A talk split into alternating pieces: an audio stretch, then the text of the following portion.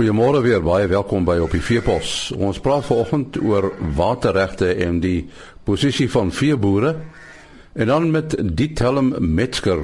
Hy is al onthou ons het iewers laas jaar met hom gesels oor sy uh, plaas. Hy het 'n jagbedryf en natuurlik is hy ook 'n beesboer. Maar op die oomblik is hy besig om jagpakkette te verkoop in Texas in Amerika en dit is waar ons met hom gepraat het.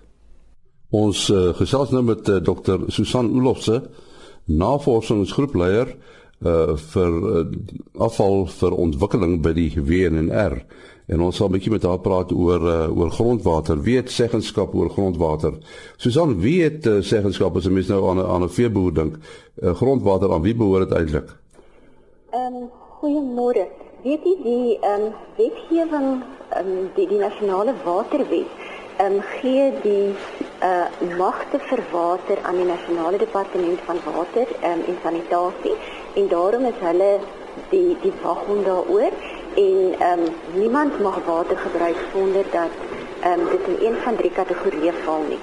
Uh water vir persoonlike gebruik of vir ja, dis basies persoonlike gebruik of wat onder 'n algemene magtiging val, um, kan gebruik word sonder spesifieke toestemming, maar enigstens ehm um, watergebruike wat bo daardie vlakke val, ehm um, moet deur 'n lisensie ehm um, gereguleer word.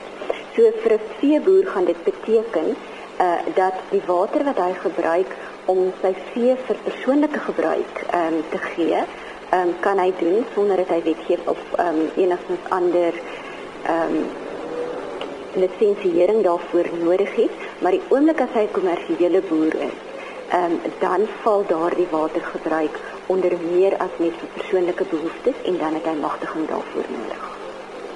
Nou iemand wat wat uh, nie op op eh, 'n uh, veeboer se grond woon kan hy ook 'n lisensie kry. Weet jy die wet maak voorsiening ehm um, dat selfs iemand wat nie op 'n spesifieke area woon nie, wel of dat die dat die departement ehm um, regte op daardie water mag toeken, maar dit kan nie gebeur sonder die grondeienaar se medewete nie en ehm um, daar is 'n hele proses daaraan verbonde. Nou ek het nie al die details van die proses daaraan verbonde nie, maar die wet maak voorsiening dat 'n watertoekenning wel toegestaan kan word aan iemand wat nie noodwendig op die grond woon nie. So uh, as nywerhede soos myne ondergrondse water verwyder uh onder 'n plaas waar 'n boer is, uh wat wat staan 'n boer dan te doen? Ek het my ehm um, advies aan daardie boer sal dan wees om die saak met die departement van waterwese op te neem sodat daar gekyk kan word ehm um, want deur die regte aan iemand anders toe te staan ontneem hulle dan die boer die geleentheid om op sy plaas te kan boer. So daar moet alternatiewe dan in plek gestel word om vir daardie boer ook water te voorsien. Maar dit gaan 'n gesprek wees wat tussen die departement van omgewing van van waterwese um, en die boer dan opgeneem word Is dit nie 'n lang bureaukratiese proses nie? Dit gaan waarskynlik nie 'n maklike proses wees nie, inderdaad. Susan, hoe lyk uh, ons ons grondwater op die oomblik die gehalte? Ehm um, weet jy dis 'n baie moeilike vraag om te antwoord want dit is ehm um, area spesifiek. Grondwater is nie soos 'n rivier wat vinnig vloei en daarom ehm um, kan 'n mens redelik vinnig sien waar besoedeling plaasvind of nie. So dit gaan baie ehm um, gelokaliseer wees maar in die algemeen ehm um, sou ek sê in redelike landelike gebiede is die grondwater wel as daar nie mynbouaktiwiteite is nie sal die grondwatergehalte waarskynlik beter wees as wanneer daar mynbouaktiwiteite in die omgewing is omdat mynbouaktiwiteite dan ook die potensiaal het om die water te besoedel. Uh, wat wat is die definisie van grondwater? Wat presies is grondwater? Grondwater word gesien as water wat ondergrond gevind word. Ehm um, so dit maak 'n legio moontlikhede oop. Ehm um, grondwater sit nie noodwendig in ehm um, 'n dam ondergrond ehm um, as ek dit nou in eenvoudige terme kan stel nie.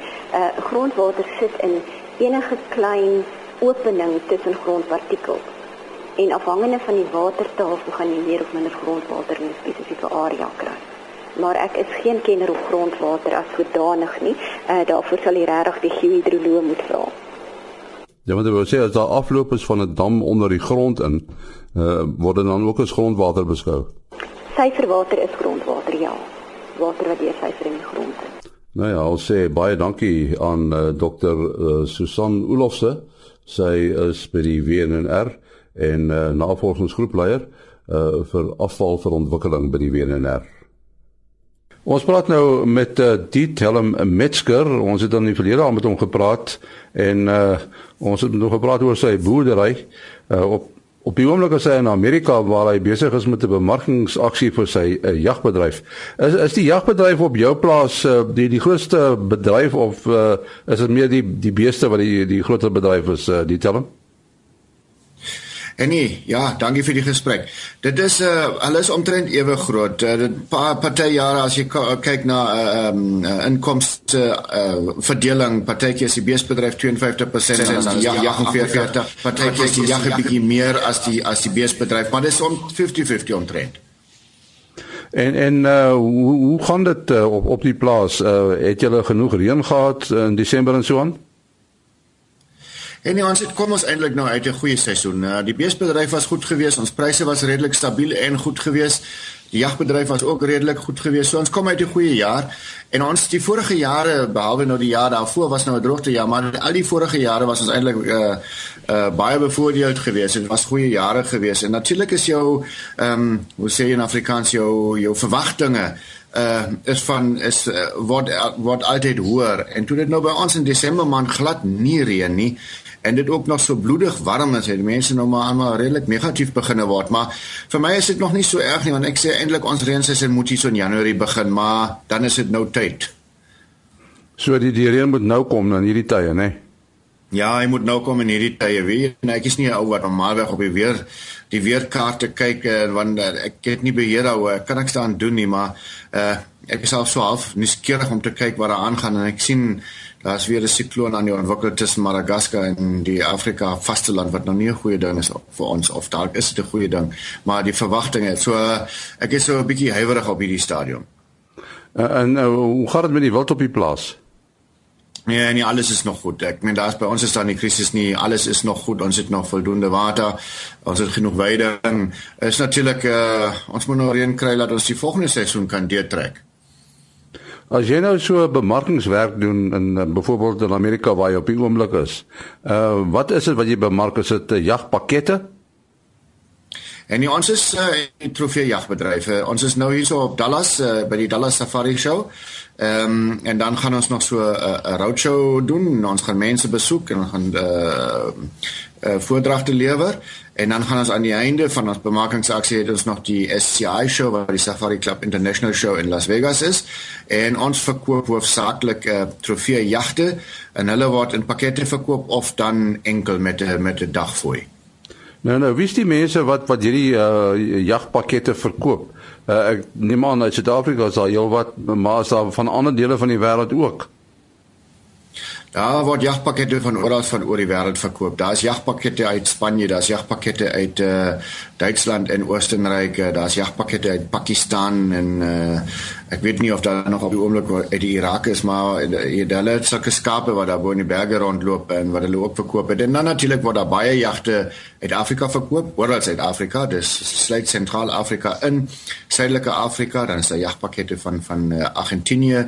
Uh jy kan enigiets onder hierdie hierdie hierdie son wat jy wil jag kan jy op daardie op daardie skoue koop. Eh, het Afrika nou seker is 'n 'n bietjie van 'n voordeel omdat hy hierdie hierdie groot vyf het wat die ander lande nie het nie. Ons het absolute voordele. Uh, eerstens het ons die groot 5 en ons het ons uh, on, ontsettende variasie in in in spesies wat ons kan aanbied. En as jy Spanje toe wil gaan, hulle hulle 'n uh, skapie en 'n bok en ehm um, as jy Argentinië toe gaan, daar is dit 'n uh, takbok en nog 'n kleiner takbok en hulle het nie die variasie wat ons het nie. So ons het 'n redelike groot voordeel plus Afrika het mos nog hierdie hierdie uh, romantiek aan hom, hierdie um, Wild Africa uh, gevoel en, en dit is wat ons kan verkoop. Nou ja, julle is nou in Amerika, is maar Amerika maar die grootste mark. Nee, daar's baie markte. Um, ons het nou vir onsself maar die Amerikaanse mark gekies en um, dit kom al van 25 jaar gelede waar daai besluit geneem het en die Amerikaanse mark het ons altyd goed uh, behandel. Maar daar's ook 'n ontsettende groot mark in in in Europa. In Duitsland is dit 'n baie groot mark. Uh, Spanje en Frankryk, eh, die Franse is 'n baie groot mark. So in Europa is daar net soveel jagters soos in Amerika, as daar nie eens meer is nie. Uh, die uh, Europese ekonomie of die wêreldekonomie in die algemeen, het dit 'n impak gehad op op julle bedryf? Ja, die jagbedryf is baie gevoelig vir die vir um, ekonomiese veranderinge in die in die in die lande van waar ons jag kom. Ehm um, toe in 2008 die, die ekonomie in Amerika in daai gestart het, het ons ehm um, jagvolume met 50% gedaal. En ehm um, dit was saaklik te volge aan die ekonomiese ehm um, 'n instorting. En nie is nie dat die mense dan nie meer geld gehad het dis maar die mense wat jagte geboek het. Hulle verwagtinge was dat dit nie goed sal gaan nie en derhalwe het hulle jagte ehm um, gekanselleer wat reeds geboek was. En ehm um, ja dit is dit is die jag is 'n luxe artikel en hy reageer baie dramaties op enige ekonomiese verandering. En en die uh, Ebola uh, toestand in Midde-Afrika raak dit ook die jagbedryf Absoluut. En uh, ek het dit nooit verwag nie, ek het dit nooit gedink nie. Ek het gedink mense is uh, voldoende ingelig dat hulle weet dat uh, ehm um, dat die gebiede waar die Ebola nou voorkom, ehm um, baie ver weg is van Suidelike Afrika, maar baie mense sien dit so, dis 'n siekte in Afrika, hy gaan nie meer Afrika toe nie. Al, al is nog so ver weg. Ehm um, ek het dit nie geglo voorheen nie, maar nou weet ek dit is so. Uh die die jagpakkette wat julle verkoop, uh, is dit vir meestal vir die groot 5 of is dit ook maar vir die vlakte diere? En die ons is hoofsaaklik in die vlakte diere. Kyk, ons doen die jagbedryf in uh saam met dis komplementêr tot die beesbedryf. So ons het net vlakte diere by ons op die plase. Ehm um, die enigste ene van die groot 5 wat ons doen is die luiperd. Ehm um, die ander groot uh 5 word dan bo in die noorde word dit aan, aangebied. Ons het daar ook kontakte daar met mense waar ons dit dan kan aanbied, maar ons ehm um, kernbesigheid is maar die vlakte vlakte diere. Nou, ons sê baie dankie aan Dietelm Metzger. Eh, Dietelm, waar is jou plaas nou weer presies in Namibië? So 130 km noordoos van Windhoek op die op die plateau. Daar sê maar op die oomblik is hy daar in Texas waar hy besig is om uh, jagpakkette aan die Amerikaners te verkoop. Dietelm Metzger daar in Texas, Amerika wat gesels het oor die jagbedryf op sy plaas in Namibië. Môreoggend is ons terug. Tot dan, mooi loop. Ah.